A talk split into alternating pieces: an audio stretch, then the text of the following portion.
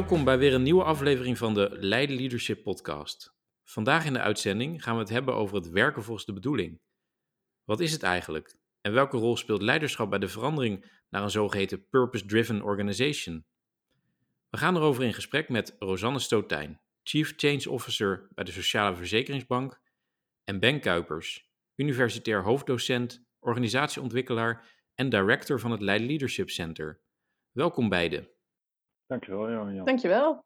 Rosanne, om even met jou te beginnen. Wat doet een Chief Change Officer precies? Change natuurlijk, uh, dat, dat snap je. Nee, uh, alle gekheid op een stokje. Chief, Chief Change Officer is een hele mond vol. is eigenlijk een beetje een, een, nieuwe functie bij de Sociale Verzekeringsbank waar ik werk, maar ook wel nieuw binnen de overheid. En een Chief Change Officer die zorgt er eigenlijk voor dat de maatschappelijke missie van de organisatie, bij de SVB is dat het werken aan bestaanszekerheid en het vergroten van eigen regie uh, van de burger, uh, dat die goed in verbinding is met hoe je dan als, als organisatie werkt, samenwerkt. Dus het, het verbindt eigenlijk het wat op de maatschappelijke missie aan het hoe van wat dat van je organisatie vraagt. Uh, en ook in de samenwerking met anderen. Oké, okay, helder. Jullie zijn in uh, november uitgeroepen tot overheidsorganisatie van het jaar. Gefeliciteerd nog met deze mooie prestatie. Dankjewel, dankjewel. De jury noemde in haar uh, verslag de focus op innovatie en het verbeteren van de ervaring voor de burger zijn belangrijke elementen in het profiel van de SVB. Er heerst een positieve en open sfeer met de nadruk op samenwerking en als resultaat indrukwekkende productiecijfers en klanttevredenheid. Dit zijn uh, mooie woorden om, uh, om te horen. Mm -hmm. Hoe belangrijk is deze prijs voor jullie? Uh, ja, die prijs die is, die, die is heel belangrijk en die maakt ook wel heel erg trots. En, um, en ik denk dat iedereen heel trots zou zijn met het winnen van zo'n zo'n prijs. Maar als je het nou even aan mij vraagt, dan maakt het mij extra trots, omdat wij de afgelopen jaren heel erg hebben ingezet op het, op het werken vanuit de bedoeling, waar we nog veel meer over gaan, gaan spreken straks.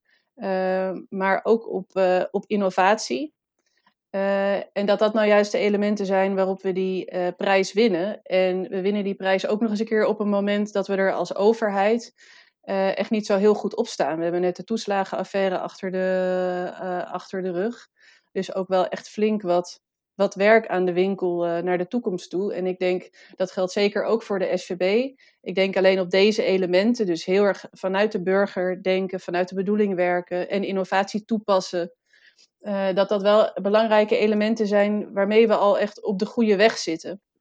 Dus dat voelt wel heel erg als een, uh, als, als een hele belangrijke uh, waardering. Ook extra belangrijk in, in dit maatschappelijke ja, moment eigenlijk. En ik weet ook als geen ander, want toen ik bij de SVB kwam werken, hadden we net een nieuwe een stelselwijziging in het persoonsgebonden budget. In het trekkingsrecht heette dat. En dat liep helemaal finaal in het 100. Uh, bij ons, maar in, in een hele complexe uh, keten. Uh, met als gevolg dat budgethouders daar de dupe van waren en zorgverleners niet betaald werden.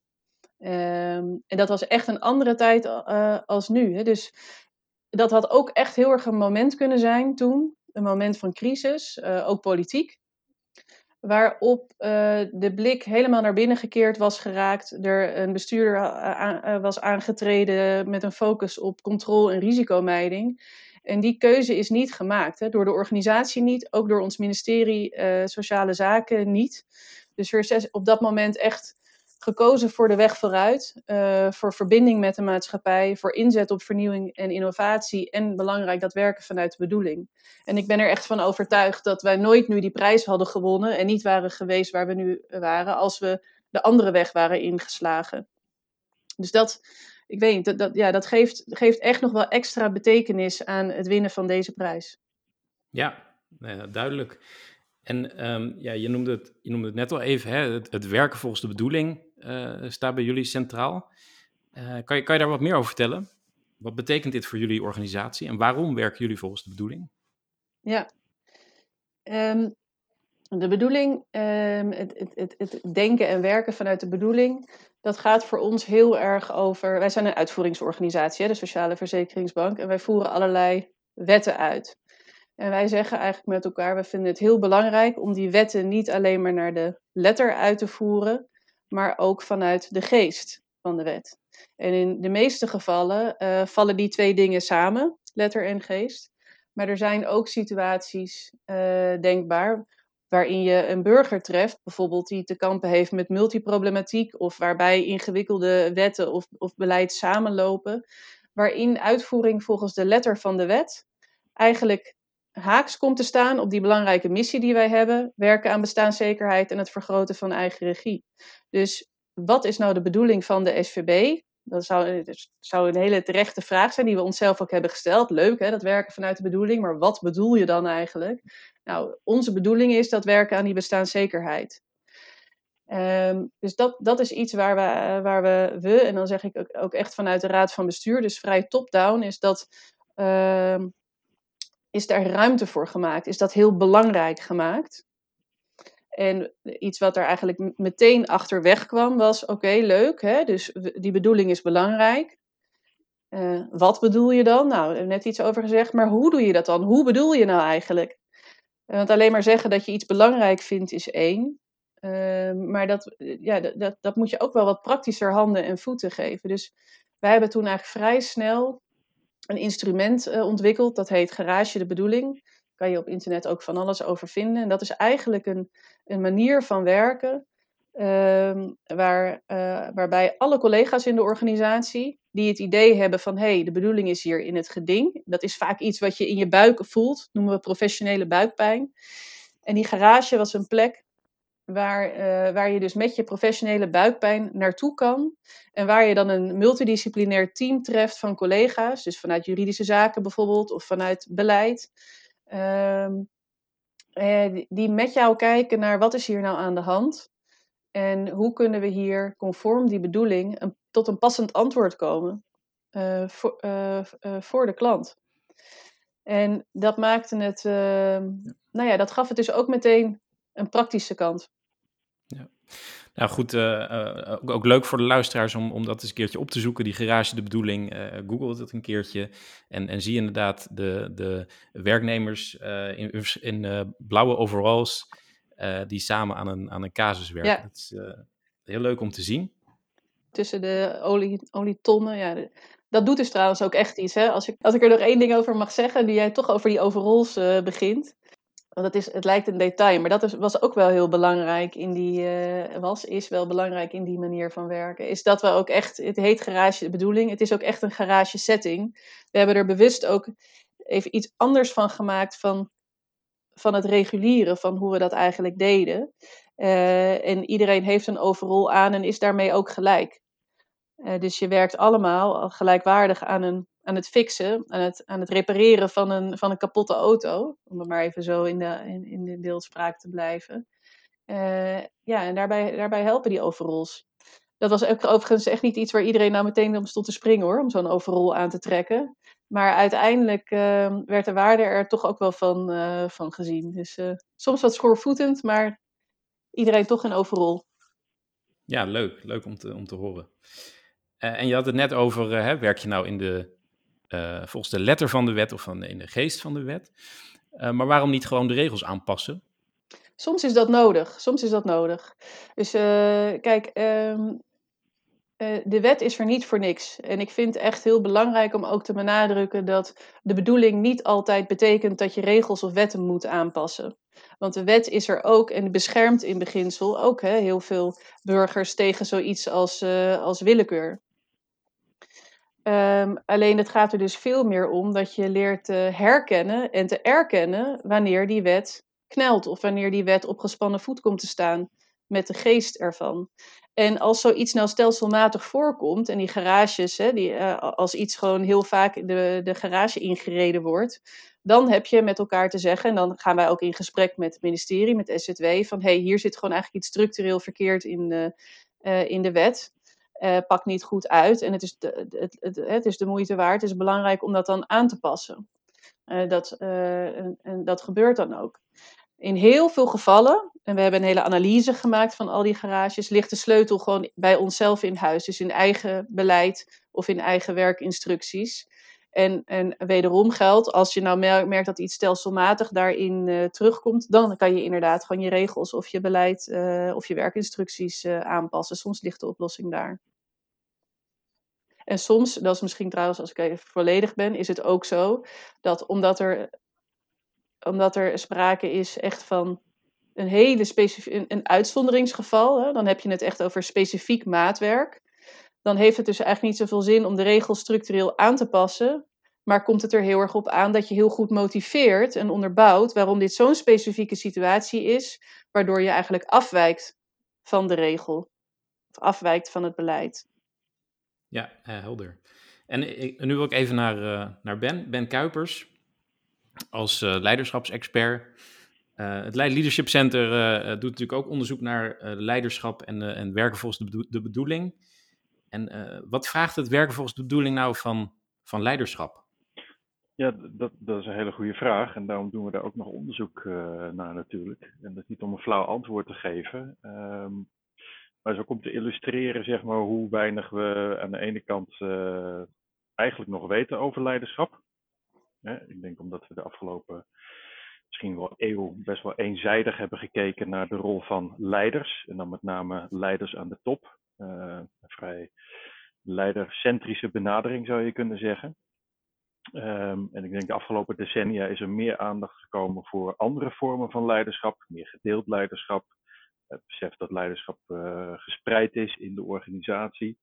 Um, en dat we er meer naar kunnen kijken als een proces. En daarom ook meer moeten kijken echt naar het gedrag. En niet zozeer naar specifieke kenmerken van uh, mensen aan de top, om het zo maar te zeggen. Het zij in de politiek, het zij aan de top van in dit geval publieke organisaties. Uh, dus, dat is, dus dat is één kant. En de andere kant is dat um, um, het werken volgens de bedoeling. Je zou kunnen zeggen, op zich is dat niet nieuw. Het denken in termen van bedoeling en, en uh, de maatschappelijke meerwaarde uh, die we willen bereiken. Maar we zien wel een trend dat steeds meer organisaties daar heel bewust naar kijken. En dat het hen helpt aan de ene kant zeg maar, om beter na te denken over uh, verschillende afwegingen die gemaakt moeten worden als je uh, denkt over de publieke waarden uh, die je als publieke organisatie ook, ook nastreeft.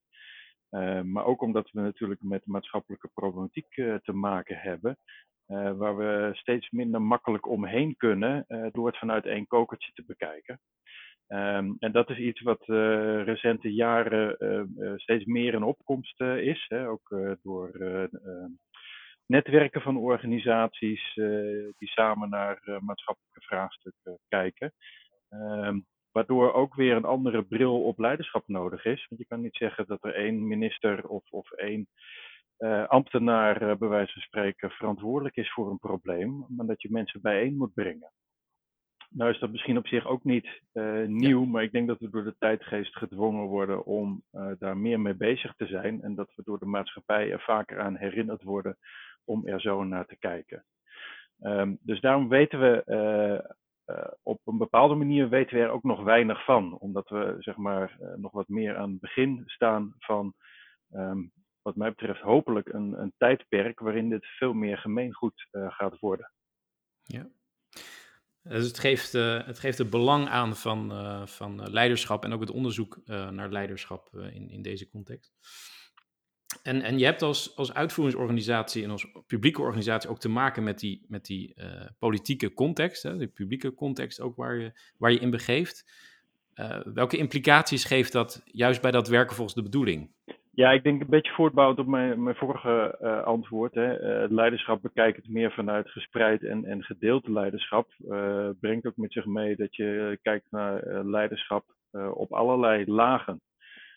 Dus we ehm, met die manier van kijken, zeker als je het hebt over werken volgens de bedoeling, vraag je leiderschap van mensen op het uitvoeringsniveau. Van de professionals die met die vraagstukken bezig zijn. En we zien het ook wel in andere uh, sectoren, uh, zagen we het al langer dat daar al meer aandacht voor was. Hè. Ik denk een aantal jaren geleden, aan de hand van de decentralisatie uh, in onder andere de jeugdzorg. Hè, dat ook gevraagd wordt dat cliënten zelf ook meer leiderschap laten zien als het gaat om omgaan met het vraagstuk waarmee zij te maken hebben en het mobiliseren van een zorgnetwerk. Waardoor de rol van de professional zeg maar ook verandert in minder het uh, bieden van een oplossing voor de cliënt en meer het helpen van de cliënt in het vinden van een oplossing. Dus dat vraagt al leiderschap zeg maar, op het laagste niveau hè, van cliënt, burger, maar ook de uitvoerende ambtenaar. Um, vervolgens rijst daarmee de vraag van hoe ziet dan het leiderschap eruit uh, van degene die die uitvoerende professionals onder hun hoede hebben. Dus je moet ook weer op een andere manier nadenken over leiderschap. want het gaat minder over controle en aansturing van het uitvoeren van de taken, om het zo maar te zeggen. En het gaat meer over het uh, ontwikkelen van, uh, van de dialoog. Van hè, wat kom je tegen en wat heb je nodig? Hè, en uh, hoe kun je repertoire uh, veranderen bijvoorbeeld om met die vraagstukken om te gaan. Nou, dat is dan op het lagere niveau. Um, maar we kunnen ons natuurlijk ook voorstellen dat ja, als je werkt volgens de bedoeling en je gaat op een andere manier ook uh, kijken naar bepaalde vraagstukken waarbij je er soms tegenaan loopt uh, dat de wet geen uitkomst biedt en dat je andere oplossingen moet bedenken. Uh, dat we ook nog steeds te maken hebben zeg maar, met verantwoording naar boven toe. van uiteindelijk van de uitvoeringsorganisatie ook naar het ministerie, desnoods parlement. Um, om te verantwoorden wat er dan, wat er dan gebeurt. Hè? Want ehm, een mooie uitspraak die ik bij de gemeente Den Haag hoorde. Uh, werk volgens de bedoeling is niet werken met de beste bedoelingen. Hè, vanuit het idee dat iedereen doet maar wat, wat hem of haar goed dunkt en wat goed voelt in dat specifieke geval. Um, we zoeken ook nog steeds naar bepaalde mate van uh, gelijkwaardigheid en legitimering van waar we mee bezig zijn natuurlijk. Dus dan uh, speelt de politiek, zou je kunnen zeggen, een heel duidelijke rol. Hè? Uh, hoe gaan die kijken naar wat uitvoeringsorganisaties doen op het moment uh, dat zij merken dat strikt de wet volgen niet voldoende is om bepaalde vraagstukken op te lossen? En dat wordt best wel een, een lastig speelveld natuurlijk. Hè? De, Rosanne zei het al, heel, goed verantwoorden wat voor keuzes je dan maakt en noem maar op. Um, tegelijkertijd, eh, daar blijven ook wel bepaalde subjectieve afwegingen een rol spelen. Dan hebben we er altijd mee te maken, de discretionaire ruimte van de publieke professional uh, natuurlijk. Um, alleen uh, soms zijn die zaken net wat ingewikkelder dan, laten we even heel plat zeggen, de politieagent die de keuze heeft om wel of niet iemand die zonder licht fietst in het donker een, een boete te geven of niet. Ja? Um, en zeker bij de ingewikkelde problematiek uh, gaat het vaak ook om um, ja, grotere belangen, uh, grotere kosten die ermee gemoeid zijn, meer afwegingen die gemaakt moeten worden. Um, hè, dus het is een aaneenschakeling van verschillende beslissingen die genomen moeten worden. En hoe neem je dan zeg maar ook je buitenwereld daar, uh, daar goed in mee? En omgekeerd, hoe kan je als politiek zeg maar voldoende vertrouwen dat de mensen op, die dat, op dat uitvoerende niveau die goede afwegingen maken? En dat er niet altijd misschien hetzelfde uitkomt. Of dat je soms ook bepaalde neveneffecten hebt. Die hebben we natuurlijk altijd. De politiek. Kijk ook naar de recente, uh, uh, zeg maar, uh, hoe heet het? waar de Belastingdienst mee, mee te maken heeft in de kindertoeslagenaffaire. Um, dat de politiek ook wel heel erg geneigd is uiteindelijk om dan toch te zoeken naar, naar schuldigen en uh, kijken hè, of bepaalde wetten goed zijn uitgevoerd, of wat voor nieuwe wetten, nieuw beleid ingevoerd moet worden om in de toekomst dergelijke zaken te voorkomen. Terwijl eigenlijk hè, het verhaal van Rosanne maak je ook wel op. Hè. Je zet mensen ook bij elkaar om samen te leren en om ervaringen op te doen. En het is, zijn niet altijd beleid en wetten die gaan helpen om uh, zo'n cultuur en zo'n zienswijze te ontwikkelen. Uh, dus ik denk dat als het gaat om, om leiderschap, verschillende niveaus en de rol van politiek, vraagt het niet alleen verandering van, van het denken en werken in uitvoeringsorganisaties, maar het vraagt ook om een andere benaderingswijze vanuit de politiek. Waarbij de oude sturingsmechanismen vaak niet meer uh, voldoen. En daar hebben we nog niet altijd een antwoord op. En ik ben wel even benieuwd naar, uh, naar Rosanne, want, want hoe ervaren jullie bij de Sociale Verzekeringsbank deze verhouding met politiek of andere publieke organisaties bij het werk volgens de bedoeling? Ik, wat ik heel erg herken, dat is natuurlijk ook niet gek hè, in wat, wat Ben zegt, is dat ehm, Kijk, allereerst, de bedoeling heeft nooit één dimensie. Dat maakt het soms ook ingewikkeld. En de bedoeling gaat dus heel erg over het afwegen en het in samenhang wegen van een rechtmatigheidsperspectief en een efficiëntie of een effectiviteitsperspectief en een burger- of maatschappelijk perspectief. Uh, dat, maakt het ook, dat maakt het ook wel uh, lastig. En dat vraagt ook echt iets van, van leiderschap en van competenties en van zekerheden en zo. En die, maar specifiek even op dat politieke punt, denk ik, Ehm, en ik maakte dat zelf heel, eigenlijk heel direct mee, is dat er vanuit de politiek soms ook verschillende bedoelingen zijn. En die moeten dan, komen dan samen in één wet. Dus als ik nog even teruggrijp op dat persoonsgebonden budget en het trekkingsrecht. Dan zaten er eigenlijk twee bedoelingen, twee politieke bedoelingen in. Namelijk enerzijds, we willen de fraudekans uh, reduceren. Vandaar het, trekkingsrecht. Dus mensen kregen niet meer het geld direct op de rekening gestort, maar dienden declaraties in bij de SVB die de zorgverlener uitkeerde. En we wilden graag eigen regie uh, vergroten van de burger. Nou, dat zijn twee politieke bedoelingen die in één stelsel samenkwamen en die in de uitvoering nogal eens op gespannen voet kunnen staan. En daar moet je dan uh, in, in, de uitvoering een beetje chocola van zien te maken.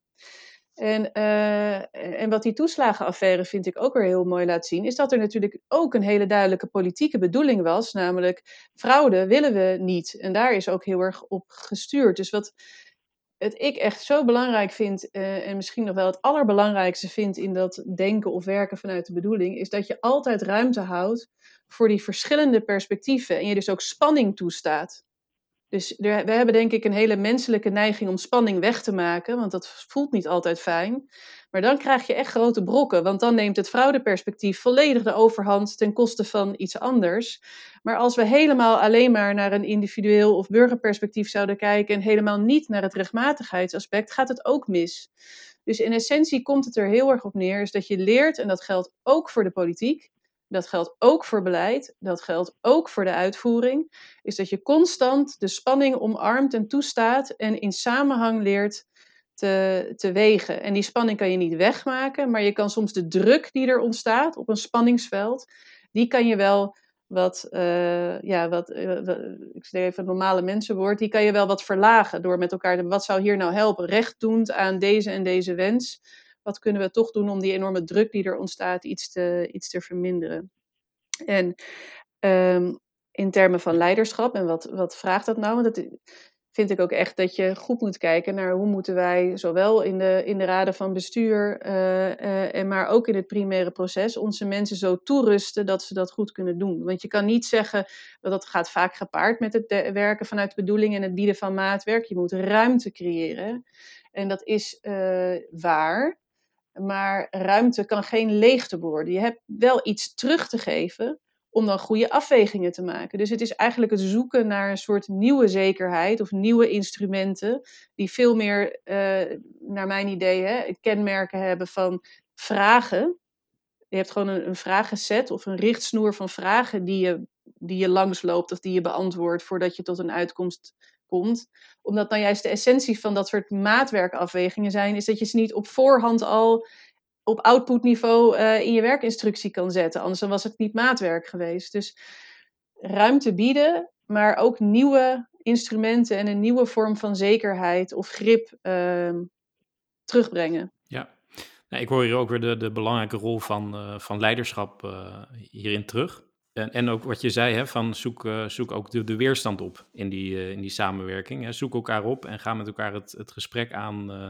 En zou je dan zeggen dat het ook belangrijk is om een gezamenlijke bedoeling te, te ontwikkelen? Of is, dat, of is dat eigenlijk niet mogelijk? Die gezamenlijke, uh, gezamenlijke bedoeling, die, dat moet eigenlijk gewoon de missie zijn van je, van je organisatie. Daar, daar tref je elkaar op en dan kan er dus wel wat spanning zitten of verschil van inzicht van hoe je daar komt. En dat is precies hè, de dialoog die je met elkaar, uh, die je met elkaar moet, moet voeren.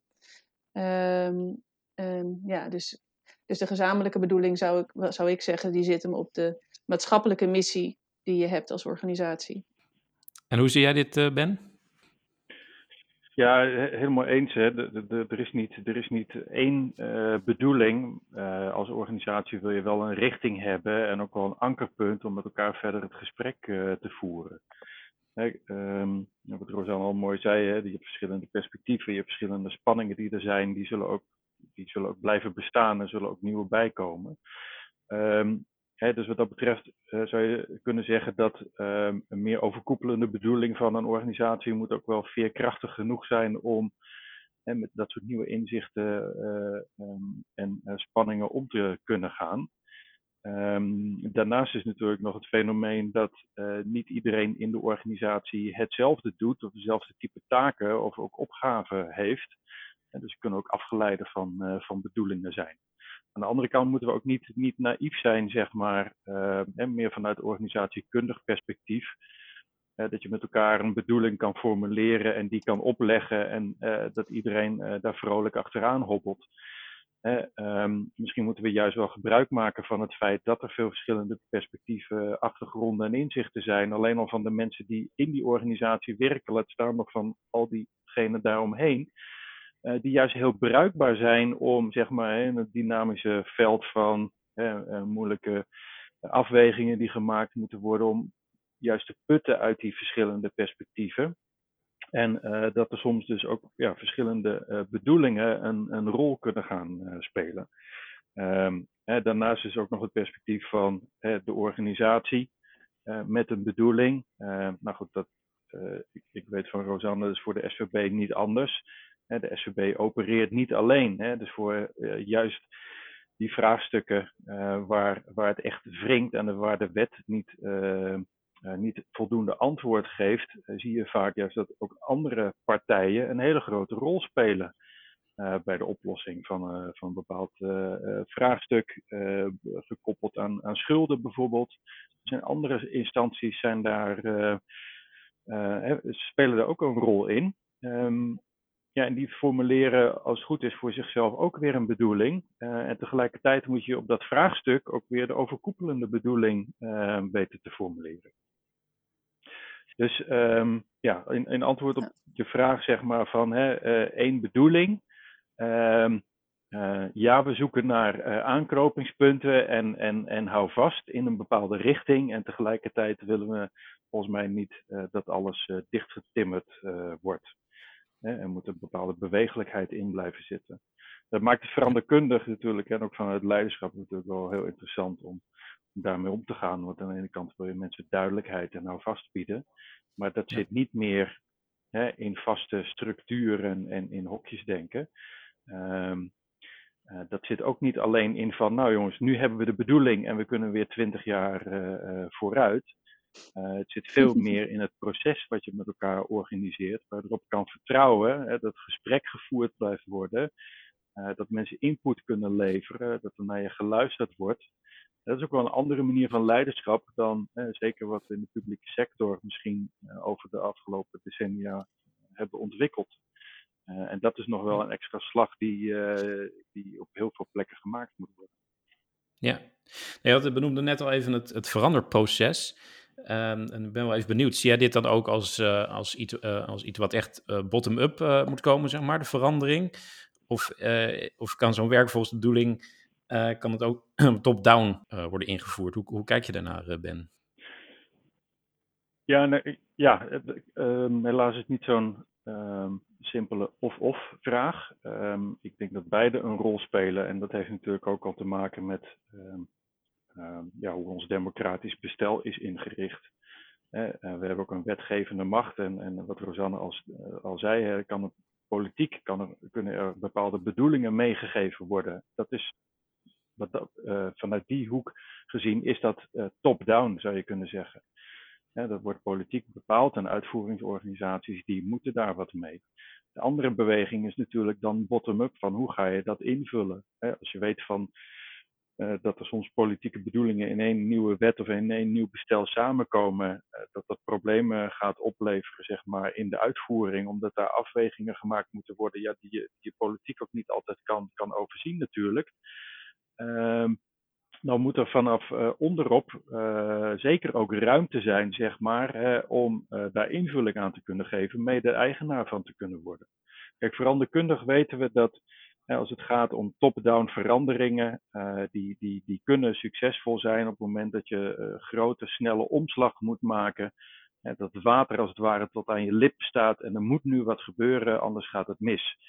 Nou, dat kan heel goed helpen top-down om echt even een eerste beweging te maken en, en mensen even te laten omschakelen naar een andere manier uh, van, van werken. Tegelijkertijd weten we ook dat uh, niet lang daarna kunnen mensen vrij makkelijk weer vervallen in, in oude patronen. Dus het, het beklijft niet, niet makkelijk. onder, verandering van onderaf helpt heel erg om mensen eigenaar te maken van de verandering. en ze eigenlijk in de tijd, zeg maar, mee vorm te laten geven aan die verandering. Um, maar het is ook een langzame manier van veranderen. Je kunnen zeggen, dus meer, heeft meer te maken met, met leren, het doorbreken van oude patronen en het inslijten van, van uh, uh, nieuwe patronen. Waarbij we dat nu ook nog zeggen van, maar die moeten ook niet te diep ingesleten worden dat ze op zichzelf weer onveranderlijk blijven. Dus we weten dat verandering van onderop uh, leidt tot veel meer gedragen verandering. Um, um, maar tegelijkertijd is het een proces wat van buitenaf uh, lastiger grijpbaar is en lastiger stuurbaar. Hè? En dat is dan ook weer in, in de bestuurskundige context, is dat dan natuurlijk ook weer een dilemma. Hè? Wat zeg je dan als politiek zijnde van, jongens, uh, neem uh, vijf jaar de tijd, bedenk eens nieuwe oplossingen. En over vijf jaar gaan we dan kijken wat dat heeft opgeleverd en we vertrouwen erop dat dat, dat, dat helemaal goed gaat. Hè? We willen ook sturing en we willen controle en noem maar op. En dat gaat niet altijd samen met die beweging van onderop, waar je met vallen en opstaan en leren eh, tot nieuwe inzichten en nieuwe werkwijzen. Ja, dus ik hoor je eigenlijk zeggen, het is eigenlijk een gecombineerd uh, proces. Het is een gecombineerd uh, proces, ja. En daar botst en wringt het ook vaak. En de kunst is om daar de ruimte voor te creëren en uh, ja, ook te erkennen, zeg maar, dat ook beide processen nodig zijn om ja, uiteindelijk tot een eh, goed werkend, maar ook eh, gedragen eh, beleid of bestel te komen. Ik ben wel even benieuwd, vraag, ga ik naar Rosanne toe. wat jouw ervaringen zijn in, in de praktijk met dat veranderproces? Nou, ik, uh, ik, ik kan direct onderschrijven dat dat veranderproces echt een kwestie is van en top-down en bottom-up. En ik vind het heel mooi dat Ben eigenlijk steeds ook uh, het perspectief ook even buiten de organisatiegrenzen uh, inbrengt. dus um, um, top-down is dus niet alleen maar binnen de organisatie van top naar, naar beneden, maar ook nog in een context van politiek of een beleidsmaker richting uitvoering. Om daar heel kort iets over te zeggen, denk ik wederom dat die hele kinderopvangtoeslagenaffaire ons leert dat beleid en uitvoering veel dichter op, en in een andere verhouding tot elkaar georganiseerd moeten zijn. Ik heb er ook alle vertrouwen in dat we, dat, dat we die stappen uh, uh, gaan, uh, gaan zetten. Dus al in het maken eigenlijk van beleid moet je uitvoering en eigenlijk gewoon burgerperspectief, gebruikersperspectief aan tafel hebben. Om goed te snappen hoe de gemaakte keuzes ook in de praktijk uitpakken. Um, dus ik denk dat dat, een, een, belangrijke beweging is die we de komende, komende tijd verder moeten gaan maken. Uh, en een andere is, als ik even kijk naar de beweging zoals we die bij de SVB hebben gemaakt, dan is het woord beweging daar denk ik ook een belangrijke in. Dus ik, ik zei in het begin al even, of ik zei al even, uh, het is iets wat vanuit de Raad van Bestuur heel erg stevig is neergezet. Uh, ik, ik, denk ook echt dat dat randvoorwaardelijk is geweest voor het succes. Tegelijkertijd viel dat in vruchtbare aarde. Dus we hebben een kritische vriendencommissie die onze organisatieontwikkeling volgt en reviewt. En die zei, dat werken vanuit de bedoeling, dat past heel goed bij het DNA van de organisatie. Dus dat, dat uh, heeft er wel aan bijgedragen dat het, dat het ook, uh, ja, hoe zeg je dat? Dat het goed uh, landde en aankwam. En mensen zich er ook aan wilden gaan verbinden. En dus je zou kunnen zeggen, top-down is het geagendeerd, is er ruimte gemaakt. Uh, en, en al vrij snel is daar een beweging op ontstaan, echt veel breder in de organisatie. En zijn er inderdaad allerlei instrumenten en werkvormen ontwikkeld. Uh, wat ik echt net zou willen duiden als er is echt een beweging op gang gekomen. En als je dan kijkt naar het punt waar we nu staan, dan zeg ik het bewustzijn is er. We hebben uh, verschillende instrumenten. Hè. Het is iets wat breed leeft in de organisatie. En um, de stap die we nu zetten met elkaar is om dat werken vanuit de bedoeling, en als ik dat even mag vertalen naar het bieden van maatwerk, het bieden van specifiek maatwerk, het herkennen, het erkennen ervan en het kunnen voorzien in dat maatwerk. Om dat niet langer te doen als iets wat je naast je werk doet, in een garage bijvoorbeeld, maar als iets wat je tot integraal onderdeel maakt van je werk. En als dat je ambitie is, en dat is onze ambitie, dan heb je ook weer op een iets uh, gestructureerdere manier um, um, in te richten wat, wat, je, ja, wat er dan voor nodig is. En een paar elementen daarin, die zitten bijvoorbeeld, en Ben noemde het ook al even, in hoe stuur je daar dan op? En hoe word je daarop gestuurd? Hoe verantwoord je daarover? Dus uh, iets wat wij de komende tijd gaan doen, is ook eens heel, is heel erg uh, feitelijk eigenlijk in kaart brengen van, goh, hoe vaak komt dat eigenlijk voor, die specifieke maatwerkvragen? En wanneer vinden wij nou dat wij goed maatwerk bieden? Hoeveel tijd kost ons dat? Als je dat soort dingen weet, dan kan je ook richting je KPI's gaan kijken van, nou, wat voor KPI's hebben wij nou nodig om ook goed gestuurd te raken op het bieden van maatwerk en om ons daar ook op een goede manier over te verantwoorden je hebt ook een keuze te maken in wat voor maatwerk aanpak kies je. Vind je nou dat iedereen maatwerk moet kunnen bieden? Of vind je dat iedereen het moet herkennen, maar uh, je misschien wel met speciale teams gaat werken of een soort tweede lijn? Dat zijn echt keuzes die je dan ook te maken hebt. En wat vraagt dat eigenlijk van de ondersteuning vanuit onze systemen en IT? En uh, wat voor capaciteiten en competenties? Hoe, hoe rusten we daar onze mensen goed uh, op toe? Dus dat zijn eigenlijk de, de stappen die wij de komende tijd zetten en ook vrij uh, systematisch aanpakken, programmatisch uh, aanpakken. Uh, waarbij het wel echt de kunst is, ik hecht daar zelf ook heel veel waarde aan, om de kracht vanuit de beweging die er is te behouden. Dus ook heel erg te putten uit de initiatieven, de kennis en de ervaringen die we hebben opgedaan, die eigenlijk bottom-up zijn ontstaan, zou je kunnen zeggen. Maar wel door het dusdanig te richten uh, en te structureren dat je, dat je die grotere impact uh, kan maken die we met elkaar, uh, die we met elkaar voorzien. En mooi, mooi hoe je dat, dat benoemt, zeg maar die beweging en, en dat, je, dat iedereen eigenlijk ervan doordrongen is van dat werken volgens de bedoeling. en dat jullie die ambitie hebben. Dat, dat is een mooie, mooie uitdaging. Ik, we zijn nu aangekomen bij onze nieuwe rubriek. Dat is namelijk de, de stellingenronde. En uh, ieder krijgt uh, twee stellingen om, uh, om, te, om te reageren. En nou, de stellingen zullen worden voorgedragen door, door Sophia, Sophia Wouda. Ook in de uitzending aanwezig. Sophia, kan ik jou het, het woord geven? Ja, dankjewel. De eerste stelling is voor Rosanne. En die is: maatwerk is een excuus voor het in stand houden van complexe overheidssystemen. Nou, dat is een hele mooie stelling. Ik denk ook een hele belangrijke stelling. Dus ik ben blij dat ik daar iets over mag, uh, over mag zeggen. Um, maatwerk zou nooit een excuus mogen zijn voor complexe overheidslandschappen. Dus um, uh, je hebt altijd te werken aan een zo voor de burger hè, eenvoudig mogelijk uh, overheidssysteem. Dat, dat, dat is één. Dat is, dat is iets wat gewoon constant aandacht uh, uh, verdient.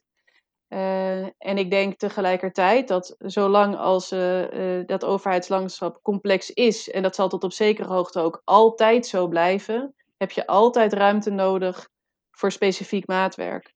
Maar het mag inderdaad, dus ik ben het in dat opzicht eens met de, laat ik het zo zeggen, het mag nooit een excuus zijn om altijd je blijven in te spannen voor vereenvoudiging. En daarin is echt nog wel een hele wereld te winnen hoor.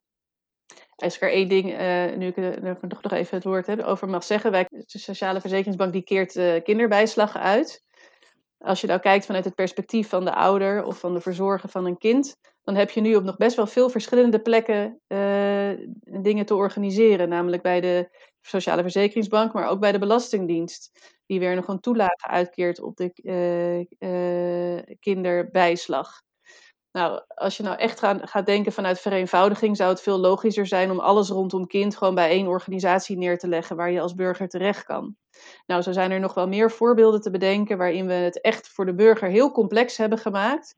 En we eigenlijk vragen van de burger om uh, uh, het overheidslandschap als gegeven te nemen en dan maar te shoppen langs al die overheidsorganisaties. In plaats van dat wij als overheid zeggen, laten we nou eens vanuit de burger of het live event redeneren en onszelf daar zo effectief uh, mogelijk rondom organiseren. Dus, um, um, nou ja, maar even neem ik het moment te baat om te zeggen: er is nog een wereld te winnen in de vereenvoudiging en dat moeten we ook altijd blijven nastreven. En er zal ook altijd ruimte voor maatwerk nodig blijven. Ja, dankjewel. Oké, dan de tweede stelling is uh, voor Ben. Die is wetenschappelijke kennis over leiderschap is nodig om te werken volgens de bedoeling. Ja, dank. Een makkelijke stelling, hè? daar kan ik ja op antwoorden als wetenschapper.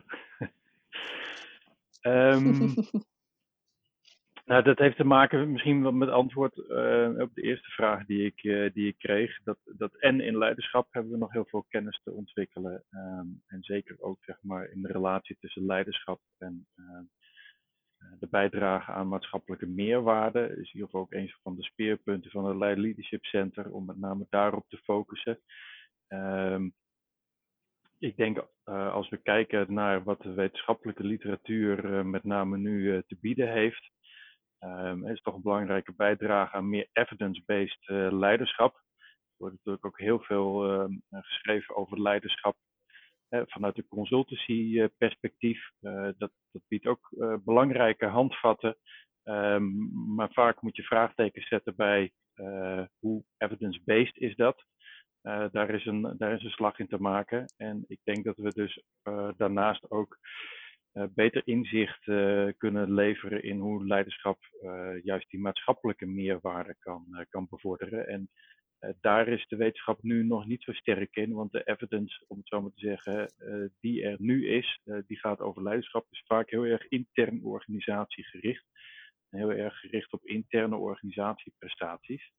en ook daar is die blik meer naar buiten toe, is dus van belang.